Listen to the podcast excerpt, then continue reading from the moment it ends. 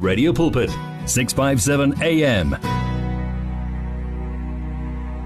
kusingena ke esigabeni sokugcina 5 o'clock lapho ke sihlukana khona eh ngikanye nomfundisi uMondli Dlamini.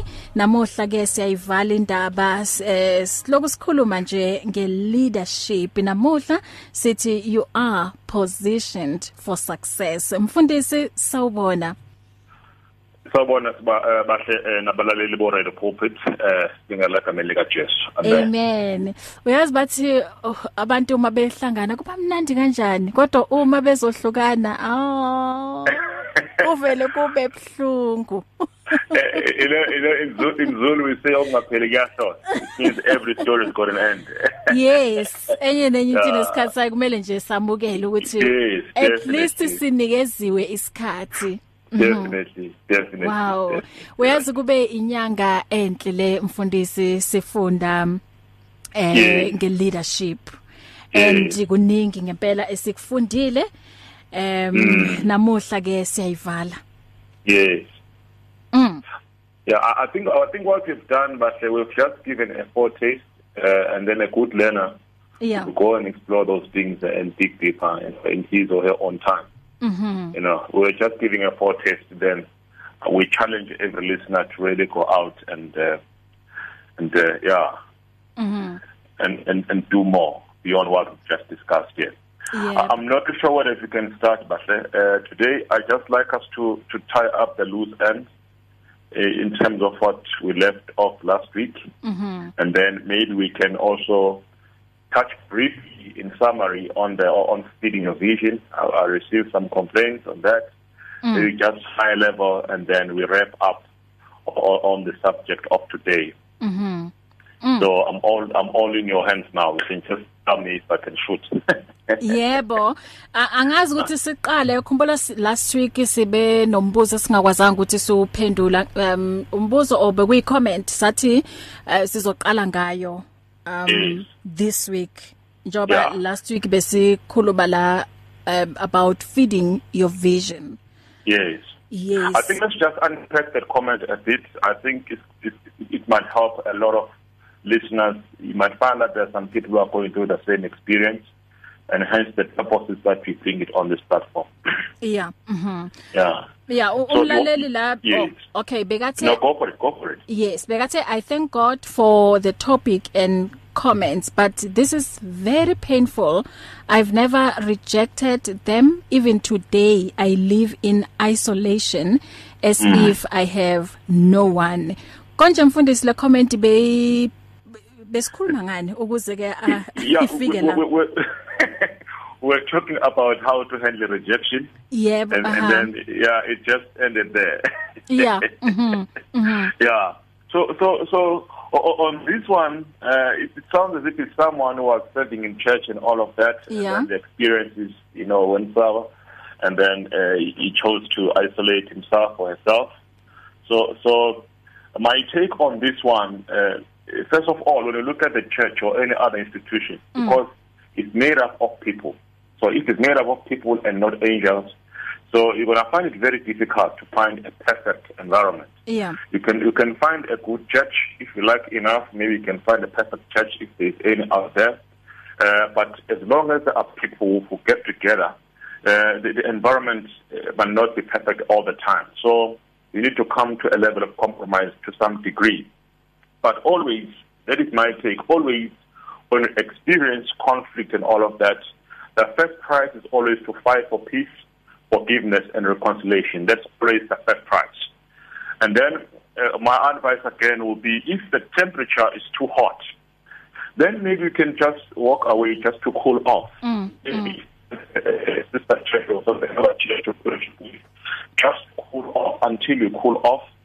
Afterwards, you can go back to your spiritual home because the spiritual home is a spiritual home. Mm. Mm. So isolation is not a solution in my view because it, it makes one weaker. The Bible says two are better than one. Yeah. You know, Mhm. so you, you can't really isolate because you become an easy target uh, to the devil, uh, to the enemy. Predator always is looking for an easy target.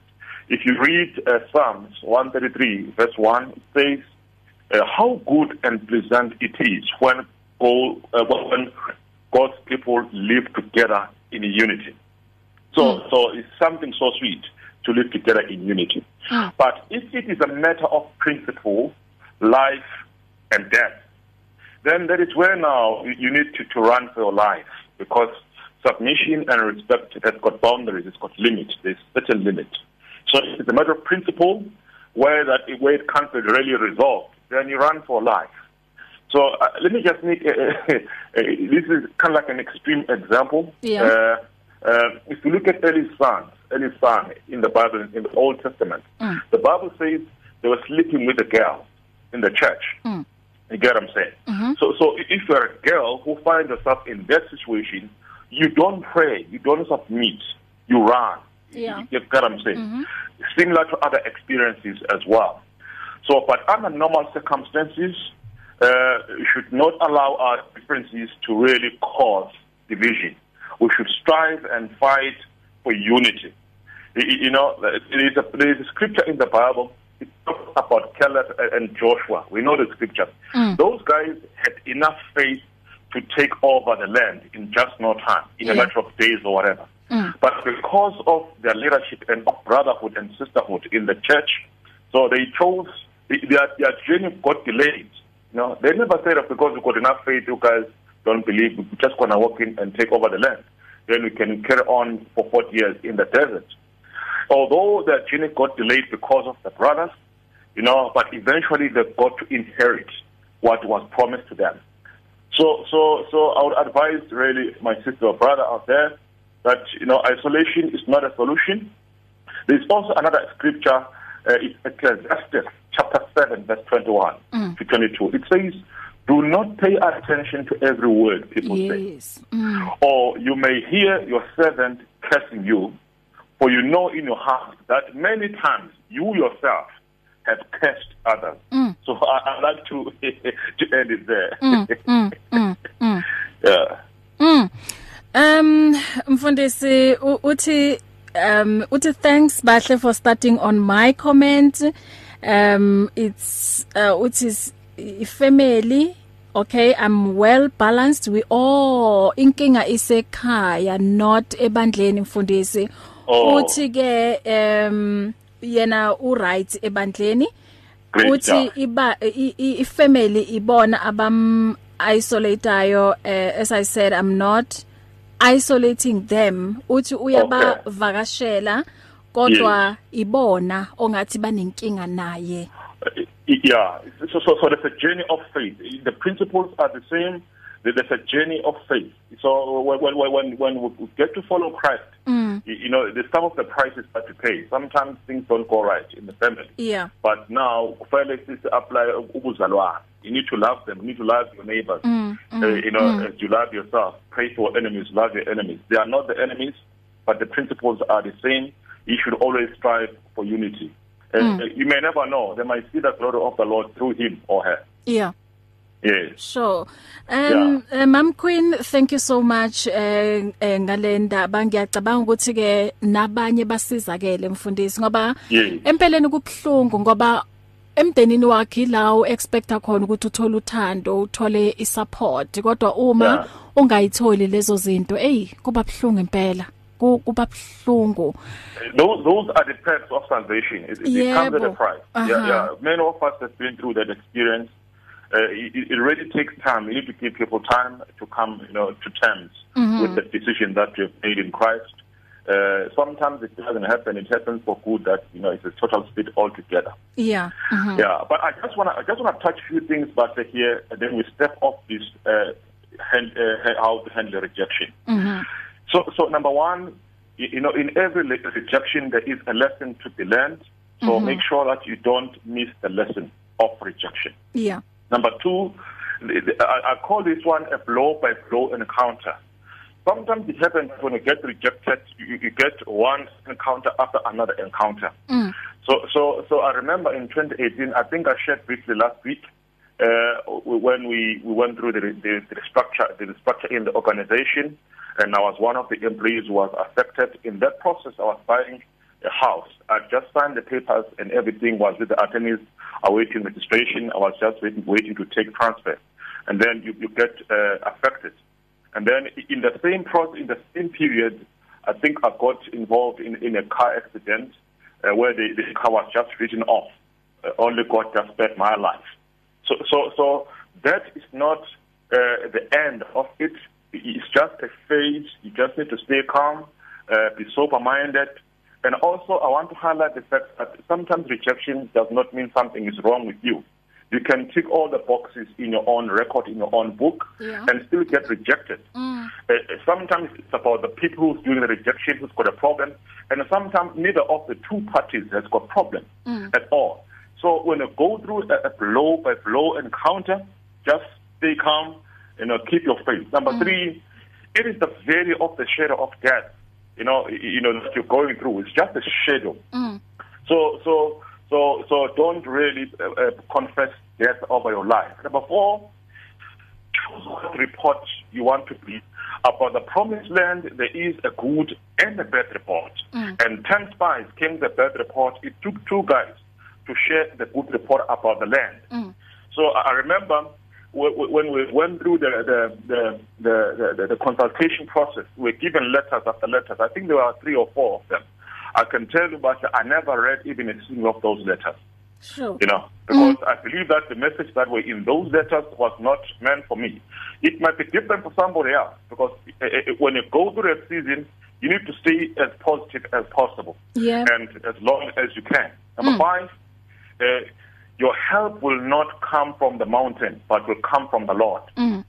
So in this scenario, you, some people that you, you think they will help you, they will just run away from you It's true. Yeah. because God wants to show you, you know, you, you, you know, you know, that He's able to, to take you to another level without any assistance of other people. Mm. Six, uh, stay clear of sin so that you can discern properly. I want to say that.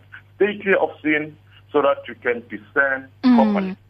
Mm. Then, during rejection season, make sure that you do not reject yourself. Yes. I think I'd like us to step off this one. It's still mm-hmm. can say, but let's just step off this one. I think you've just covered it nicely. Yeah, but mm-hmm. All right. Okay, cool. Can, can, can we touch on the vision quickly, on fitting your vision? Mm-hmm. quickly.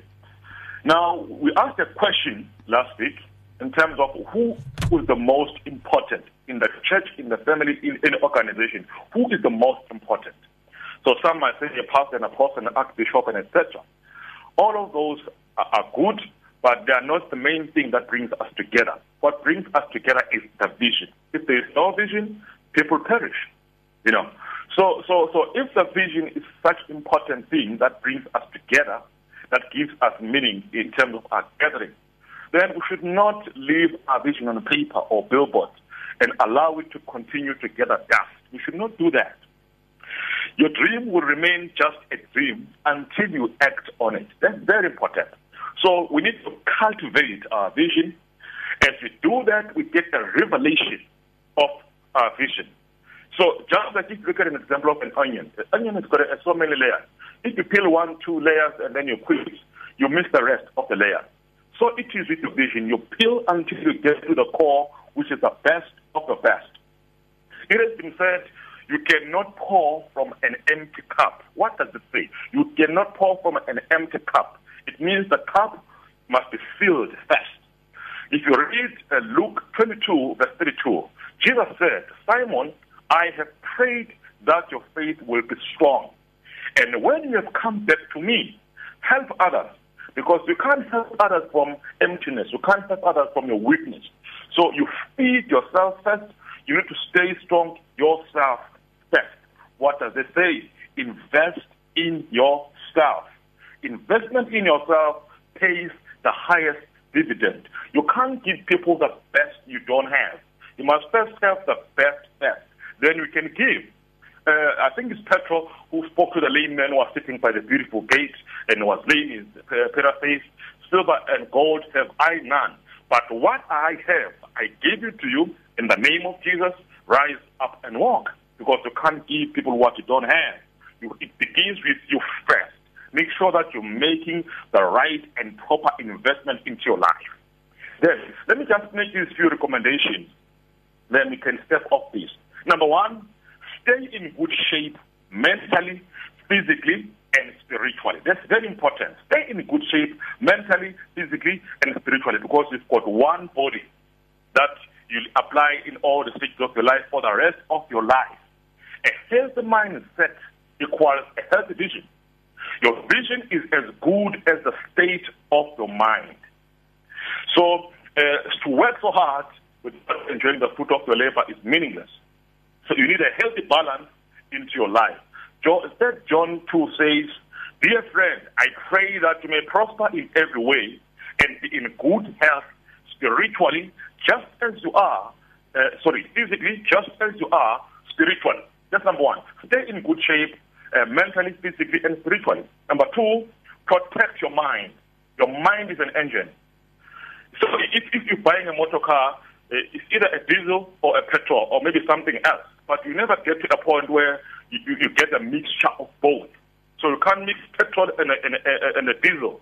So, so you got to be very careful in terms of what you feed into your mind. When you read Proverbs 4, 23, it says, be careful of what you think. Your life is shaped by your thoughts. As we think every day, as we speak right now, we are busy shaping our lives. That's very important. So you cannot achieve more than what you think of yourself. Your mind is a battlefield. You win the bet and lose it in your mind. You achieve first in your mind, then you go out on the open field and achieve. Number three, sometimes all it takes, it takes you, sometimes all it takes is to change your diet. That's also this, this, this all something that you need is to change your diet. Some of us now might need to go back and sort of like revise what is on the menu, what is on your diet. You will never be mentally strong if you have not built your mental muscle. We go to gym every day and exercise, get on the road and all of that. Yeah. Same applies with our vision. Mm. Your mental strength determines what you can handle mentally. A body that is not well nourished will easily get tired. You know that. And you cannot function uh, uh, effectively if you're hungry. In the True. same manner, a starving mind cannot think properly. Mm. You cannot expect great ideas and insight from a starving mind. Yeah. I was once listening to to to, to, to Chief Justice Justice Mokwengo when he was addressing uh, graduate students at the University of UKZN uh, in one of the ceremonies. And, and he was commenting on, on, on how people react to violence, xenophobia, and all of that. And one of the things he was saying, he's saying the, the root cause of that is because people are hungry. Hungry. So when you're hungry, you can't think properly.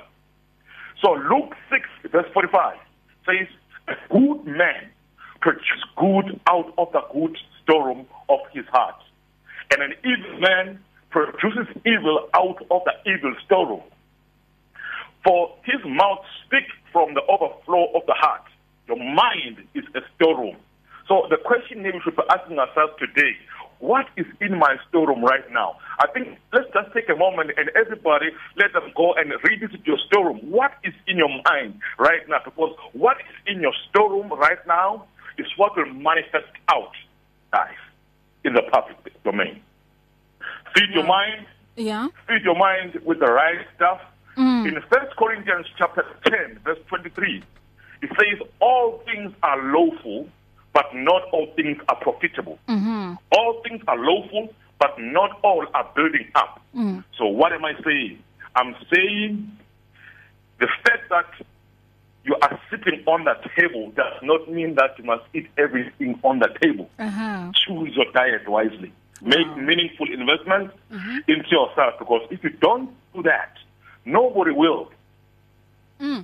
True. I just want to, I just, I just need to pause there, but maybe let's just reflect for a moment. If you've got a, call, a question or comment, we can take those. Then we can wrap the other three. Then we jump on the last one. Sure. Isikhathi ke manje sithi 29 before 5 o'clock um singene ke kulesi sigaba sokugcina eh sijula ngezwi kanye no Pastor Montli Dlamini namuhla sithi um you are positioned for success mzalwane njoba ke besikhuluma nge leadership and umama u- u- umfundisi uthi uyabonga kakhulu uthi uh, umsizile njoba ke besizama uku eh, u- u- ukusizana naye lana ngale comment yakhe. Uthi uh, from now on uyazi ukuthi usizo lwakhe luvela kuphi.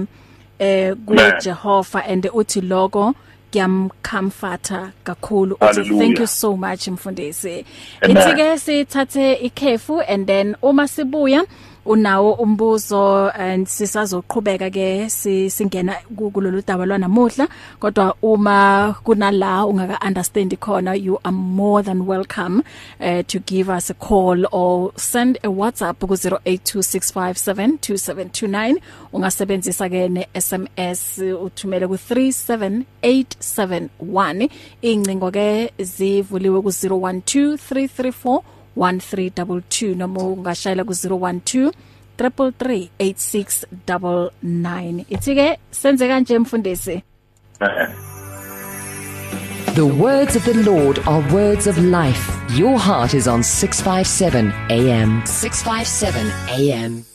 It's here. Radio Pulpit's new website is live. You can tune in at radiopulpit.co.za and enjoy crystal clear sound with just a click of a button or listen to our podcasts. Discover biblical truths in our daily devotionals and let our stories of hope inspire you. You can download our app on this new look, easy to use platform. Find your favorite program, get to know our presenters, and so much more at radiopulpit.co.za. Radio Pulpit, your daily companion. Faith, hope, and love. Experience victory in your life on 657 AM.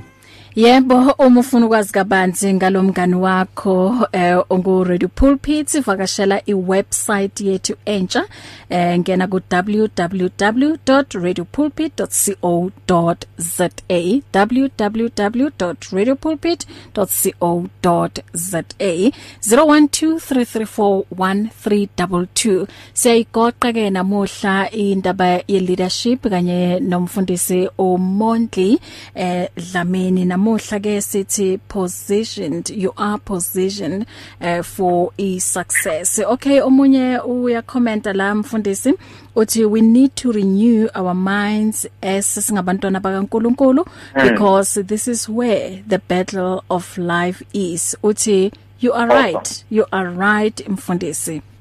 Awesome. Mm. yeah. Can, can I touch on three things? Then we jump onto the topic now. Then uh -huh. you wrap it up there. Mm-hmm. okay number number 3 number 4 iron sharpens iron yeah iron sharpens iron so if you read Ecclesiastes chapter 10 verse 10 it says using a dull axe requires great strength mm. so sharpen the blade that's a veil of wisdom mm. it helps you succeed so maybe let's just revisit our friendship right now how is your friendship how is your relationship mm. helping you sharpen your blade mm. The company that you keep how is it helping you helping you to grow and to succeed? If you are surrounded by people who are blunt who've got no vision who've got no cooking clue where they're going they will drain more energy from you. You will soon become blunt too. In the company of prophets Saul prophesied the first Samuel chapter 19 verse 24 and likewise if you spend more time in a toxic environment you'll become intoxicated with the wrong stuff. So iron sharpens iron number 5 you build and protect your brand. You know your name is your brand. Your work is your signature. So protect it. In Ecclesiastes chapter 7 verse 1 it says a good name is better than fine perfume. A good name is better than fine perfume. What does it say? It says you mustn't choose fine perfume at the expense of a good name. I'd like to end it there. Number 6 act now is what we've been preaching all along. It, no week in week out but act now tomorrow is guaranteed to nobody. Yeah dreaming does not change anything mm. but acting on your dream does. Yeah. It's the action that speaks louder than dreaming. Mm. and in fact the devil is not intimidated by how big and beautiful your dreams are. Until you act on them then they become offensive to him mm. you take more ground by acting not by talking so we need to find a balance here we need to find the right mix between dreaming and actions mm-hmm. that's crucial because the two needs to talk to each other if there is no action then nothing will change mm. and then I, I'd like to wrap it up by saying here uh, uh, but it's all you know, you know you know they say they say a ship or a boat which never leaves the harbor will never you know maximize its potential. Mm. so i'm saying to us now let's stop swimming into a fish pond. Let's go big. We need to get out there get in the ocean feel the breeze feel the waves. You know mm. it's all good. It's all good. It's all good for a boat to be in the ocean provided the water does not get into the boat. So we need to create our own trail instead of following other people's paths That's how legacies are created.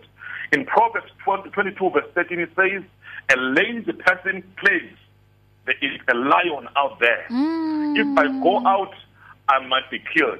Mm. Friend of mine, I'm telling you now, the lion is not in is not outside there. It's in the jungle. Yeah. Please just get up. get on the act.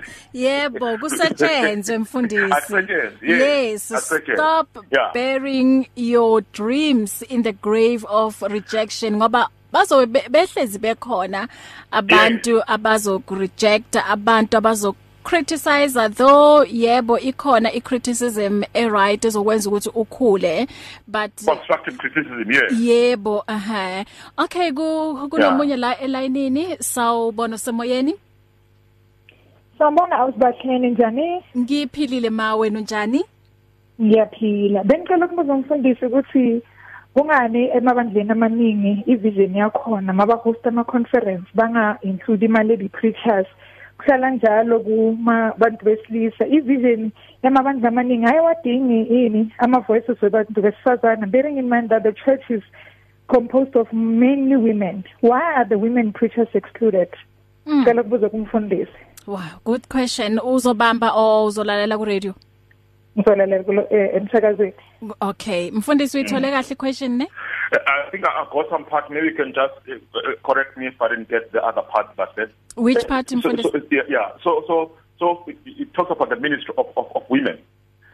So, so, so personally, as a okay pastor, ithi ithi ngim Yeah. ithi uzolalela ku radio ne mfundisi no problem. all right okay thank you mama thank you sisi Yeah. all right eh mfundisi mhm So, yeah. So, so, so, so it's going to be hard to, to, to speak for for other denominations there. But mm. personally, I believe in the ministry of, of women because remember now, it is not the man as in, in, in trousers who ordains and, and anoints. The anointing and ordination is of God. It is God who ordains. And if God has ordained you, will know the gift that is in your life. What I'm saying? So obviously, some people might try and, and bring it down, either because of many other reasons that we, we don't know of, but it is God who ordains. And if it's God who ordains, we must follow God's ordination. We've got women who are leading big churches, big churches, you know, mega churches. We've got women who are doing great things in ministry. Mm. So personally, I believe in it, uh, in the ministry of women, because remember now, it's it's not the man who does the ordination. When we lay hands, we are confirming what God has already put in place in your life. Yes. And it can be either a male or a female. Mm-hmm. It is God who chooses. And we, it's not our business in terms of how God chooses. Mm-hmm. I think we need just to, get that understanding. sure okay mfundisi ngicela silalele nansi la i voice note oh kwenze njani nge voice Ngiyabingelela Oh. nince kaNkuluNkulu lapho. Sibahle awuma umntwana kaNkuluNkulu we experience into eziningi ingakho uJesu wabakhona u- wazibonakalisa wabaphathi kwabantu wayefuna ukusibonisa siyabantwana bakaNkuluNkulu ukuthi kuyoba khona lokhu. Uwumuntu uphila emhlabeni uzokubona. As long ukhethe mina uNkulunkulu uhamba endleleni yami usazokubona lokho. Ukunqoba ngomkhuleko konke. Ingakho wayehlala acela a- atshela abantu ama- aba- abantu bakhe ukuthi eh hlalani emkhulekweni njalo. U- laba bebamlandela uJesu bebahleze emkhulekweni ngoba uJesu wayebatshela bayaleza njalo ukuthi nihlale nigcile emkhulekweni. So nathi fanele sihlale emkhulekweni sibe rooted sibahle ngoba ngalokho sizonqoba otherwise sizozibona. Uma ukhonza uNkulunkulu usazozibona futhi. Uyohlezi uzibona and ngomkhuleko uzonqoba ngaso sonke isikhathi. Thina silekelelwa umkhuleko Is- iweapon yethu umkhuleko akukho kunye ngaphandle komkhuleko especially more rooted sibahle umkhonza ngempela uNkulunkulu usazosibona kakhulu ngoba kuyilapho zikulandela khona kakhulu. Yingakho fanele sinamathele uNkulunkulu ngaso sonke isikhathi. Ama-challenges yiko kona no-rejectwa okunye kwama-challenges lokho kufanele njalo sihlale sikubhekile ebantwini futhi labo esicabanga ukuthi bayasithanda. Ibona futhi abazosirejecta kusasa. Kodwa ngunkulunkulu konke kuzolunga futhi sizonqoba and sizophumelela that's all sibahle that's the only weapon we esinayo thina abantwana bakankulunkulu umkhuleko kuphela.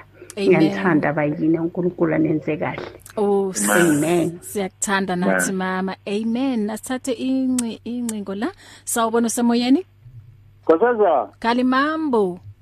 Eh u encwadini ezabapostoli sathu seshumi sithola ileader lapha yayiphethe amasoja manje leya leader uCornelio Mm. manje uCornelio kuyindoda le ilide le elungile esaba uNkulunkulu efuthi efakazelwa isizwe samaJuda Mm. Manje ke le ndaba le ifike ihluphe la kuthi namalide wanamhla yasibeka ukusentshizizo uNkulunkulu ngenxa yokungalungi. Ngokuba ukulunga kungumbuso kaNkulunkulu. Umuntu umelungile lo mbuso kaNkulunkulu lo uhlezi lapha komuntu loya noma kuleya leader leya. Manje laba sinabo abaningi banako lokungalunganga lokhu. Manje kungakho uNkulunkulu esihluleka kubasebenzisa kanti mabukozezana kalimambo kalimambo siyabonga baba mm 0123341322 eh isikhathi sithi 1643 sawubona semoyeni Sanibonani sisibahle nomfundisi lamini untombi mvubu lo okhulumayo. siyakwamukela ma Amen. Amen. Ngiyabonga. Eh ngithanda ukubonga kakhulu umfundisi ukuthi azi isikhalo sethu ukuthi abuyele back kule ebesingayiqedelanga last week ngoba sasikhale kakhulu ngokuthi video vision. Sagcina singayizwanga kahle sagcina sesilele la kuthini eh ukuhandlisha rejection so siyabonga kakhulu and nesikhatheni isiphesona wona wonke lo four weeks bese nawe siyabonga ku radio pulpit ukuthi usithinto into emnandi kanje. Siyabonga kakhulu uNkulunkulu anibusise. Amen. Siyabonga kakhulu ma. God bless you. God bless you. Mm. bye bye bye ma. Mm asiphinde sithathe omunye ngala sawubona semoyeni Eh sibahle. eh wetata Hayi mandibulise kwakhona kumfundisi wami. Eh, eh, wetata. Ingelika Christu igama.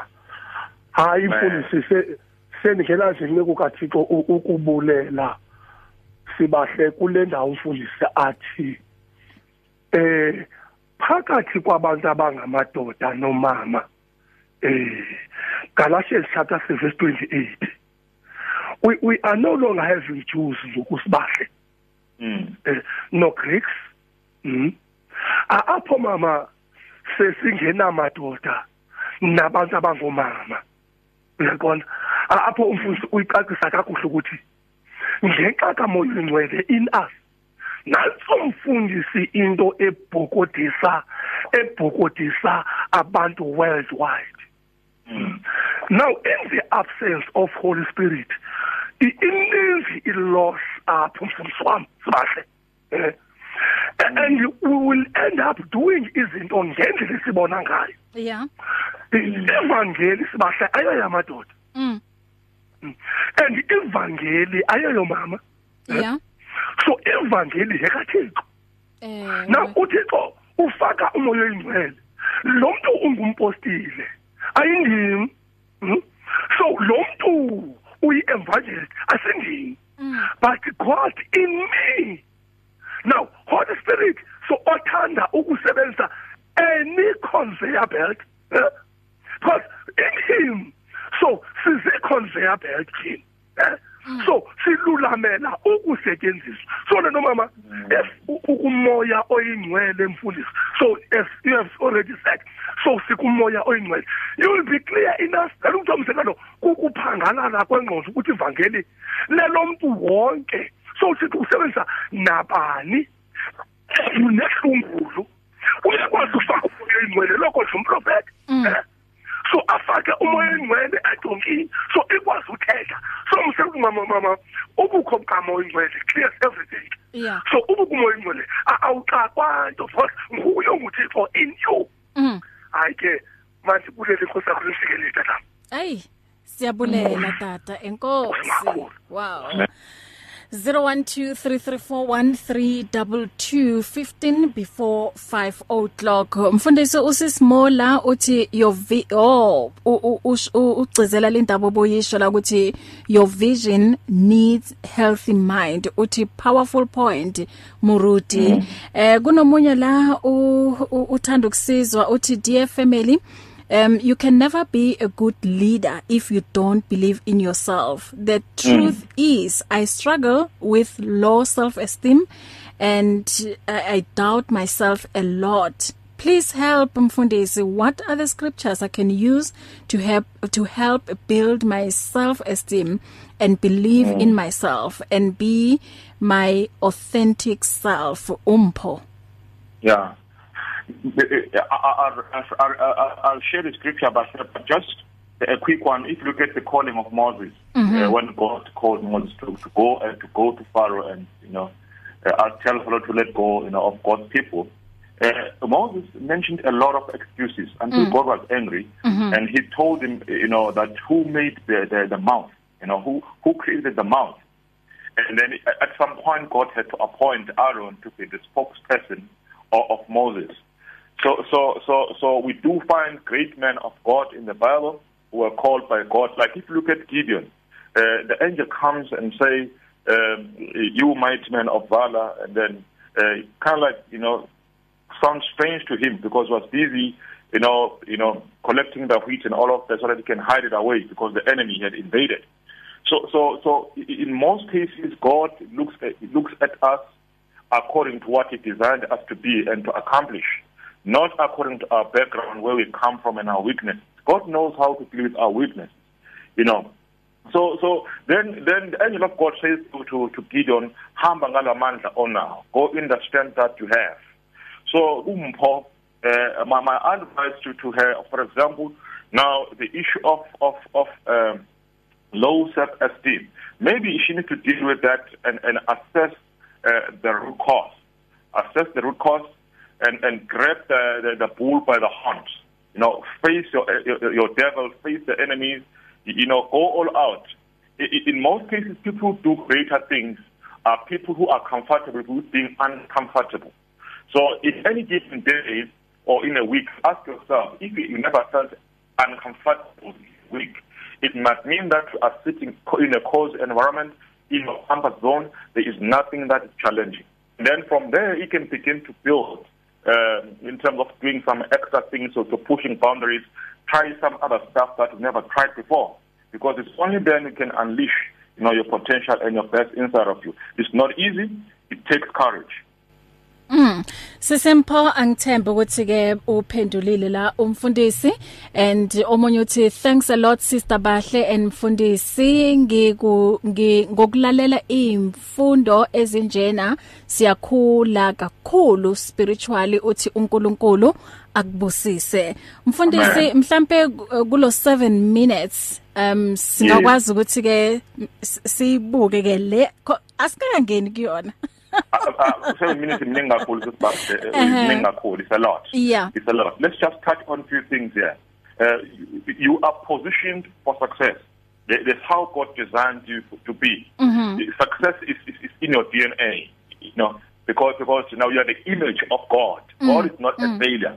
You, you, you get what I'm saying? God is not a failure. When he starts something he has already finished it. You know it has been tested and and and, and approved. That mm. yes, you can go out and be the best that you can be. Mm. Now, in, in that manner, God is not trusting your position, He's trusting His position and what He has designed you to be. As long as you are aligned with the purpose of God, you shall accomplish greater things. There is a scripture which says, People who know their God, people who know their God, shall go on and, and make great exploits. I think one of the scriptures in, uh, in, in Isaiah, uh, the Bible says, uh, He teaches us to profit. It teaches us to profit. This thing is in us. We are born for this. We are positioned for success. When you read uh, Second uh, Peter chapter 1, verse 3, it says, His divine power has given us everything we need for a godly life through our knowledge of him who called us by his own glory and wisdom. So so the more we get to know God, Paul says, "Oh, that I may know him and experience the power of his resurrection." So the more we taste the goodness of the Lord. Now, there's a prayer that Moses prayed when he was communing with God. He wanted the presence of God when he was leading Israelites. He said, Show me your glory, show me your glory, so that I may continue to find favor in you. So this thing is in us, it is embedded in us. We need to dig deeper and align ourselves with God. So in Genesis chapter 1, verse 28, so God blessed them. God bless them. You, you got a blessing of the, the sense that you are living, you got a blessing of the Lord. He blessed them and he said to them, Be fruitful. That's number one. Be fruitful. Increase, number two. Number three, fill the earth. Subdue it, number four. Five, rule over creation. There's a position God has placed each and every one of us. You got a domain. You got a you got an allocated territory. You've got a domain that you need to cultivate and be multiplied and multiply and increase in that domain. And as you take more ground, remember now the kingdom of God is about taking more ground. This is a principle of kingdom. It's about taking more ground. Now, in this case, for the Lord, in Jeremiah chapter 1, verse 18 to 19, the Lord makes a solemn oath there. He says, I, the Lord, hereby promise to make you as strong as a fortified city, an iron pillar and a bronze wall. You will be able to stand up against all who live in the land, including the kings of Judah, its officials, its priests, and all people of the land. They will fight against you, but they will not prevail against you. For I am with you, says the Lord, to deliver, to deliver you. So, so, so there's a position that God has, has, has put us in. Now, there's a story, but quickly, a story of, of Zacchaeus, a story of Zacchaeus. And he wanted to see Jesus, but the problem, the man was short. And then eh, he was standing in the in the wrong position in the first place because he was in the crowd. So the crowd prevented him from seeing Jesus. So what did Zacchaeus did? He changed the position. He placed himself in a position where he can see Jesus over and above the crowd. So, so, so, so sometimes it's not a matter of the size or the height, but it's a matter of where you are positioned. When God placed you, He placed you in, a manner where you can overcome and, and, and, and, and, and be victorious and be prosperous. One of the scriptures says, The lions have fallen for us in the pleasant places. I've got a goodly heritage. There's a position of God about your life. But now, sometimes now and again, we find ourselves misaligned to God's position. So I'm saying, if you find yourself in the space, it's your responsibility to change your position. This thing is not about how big you are, how small you are. It's not about the size. It's not about the height. So everybody right now You've got to watch where you stand. Prepare your position for your vision. Because if those two are misaligned, you must end up missing your vision. Your position will determine what you see and what you don't. Your position. If all of us in, in, in day and age for cell phone networks, Yeah. you find some areas where there's no reception. So if there's no reception, what do you do? It's, the problem is not about the network, it's about the position where you're standing. So you change the position. Yeah. The fact that you are disconnected does not mean the world around you is standing idle and waiting for you until you reconnect. The world is moving. The Lord said to, said to Moses, uh, said to Moses, if you read Genesis, uh, sorry, Deuteronomy chapter 32, verse 49, he said, he said to Moses, go up to the Abarim range of to Mount Nebo in Moab, across from Jericho, and you, Canaan, the land I'm giving to the Israelites, as their position. Yeah, but- Remember now, y- your, your position determines what you can see and what you can't see. Yeah. Right? And now, this is very important because you cannot appropriate to yourself what you don't see. You must see it first and claim it. So Moses had to go up. So some of our people right now have to come out of the valley and begin to go up and climb the mountain so that you are positioned correctly. If it took Zacchaeus to climb on the tree so that he can see Jesus, and as a result of that, we know that Jesus ended in the house of Zacchaeus. Although some people were saying, he, but, but hold on, but he's a sinner. No, but Jesus proclaimed salvation. He said, salvation has come into this place. Yeah, but So, so, so now, good people, you cannot appropriate yourself mm-hmm. what you can't see. Change the position if you have to. If you read quickly uh, Genesis 13, verse 14 to 15, God said to Abraham, Look around where you are, mm. to the north, to the south, to the east, and the west. All the land that you see, I will give to you and your offspring forever. Yeah, what is it that you see now? Mm. What is it that you see now? What you see, the Lord is faithful. Whatever land that you can see, whatever domain that you can see, I'm saying to good people, go all out. God is able to appropriate it to your life. Amen. The way, the Mm. way, the way, the way we see things, Basket, Yeah. the way we see things determines the way we serve. The way we see things determines the way we Mm, serve. mm, and how mm, far you mm. can you, can go, how far you can see will determine how far you can go. True. Let me just Wow. pause there. Um mfundisi sithi before siphuma la oh salela umzuzu wodwa. Um umam Teresa Sithole uthi sisibahle no babdlamini sibonga kakhulu ngezwi nokukhuthazwa ushilo wathi believe in yourself. Take Mm. on uh, your challenges dig deep within yourself to conquer Exactly. fears. Never let anyone bring you down. You got to keep going. I am blessed uthi i am blessed and god bless you mfundisi in 1 second ngicela sivale Thank you very much, Mrs. Basha. Two things, uh, good people, remember everything comes at a price. mhm You know, you pick and pay. Mhm. Everything comes at a price.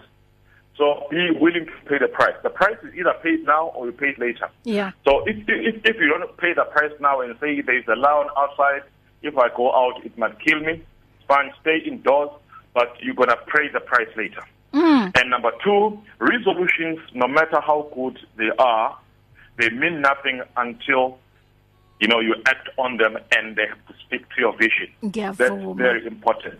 And Sure. and I, I just want to take this moment and thank you, Basha, and your wonderful listeners.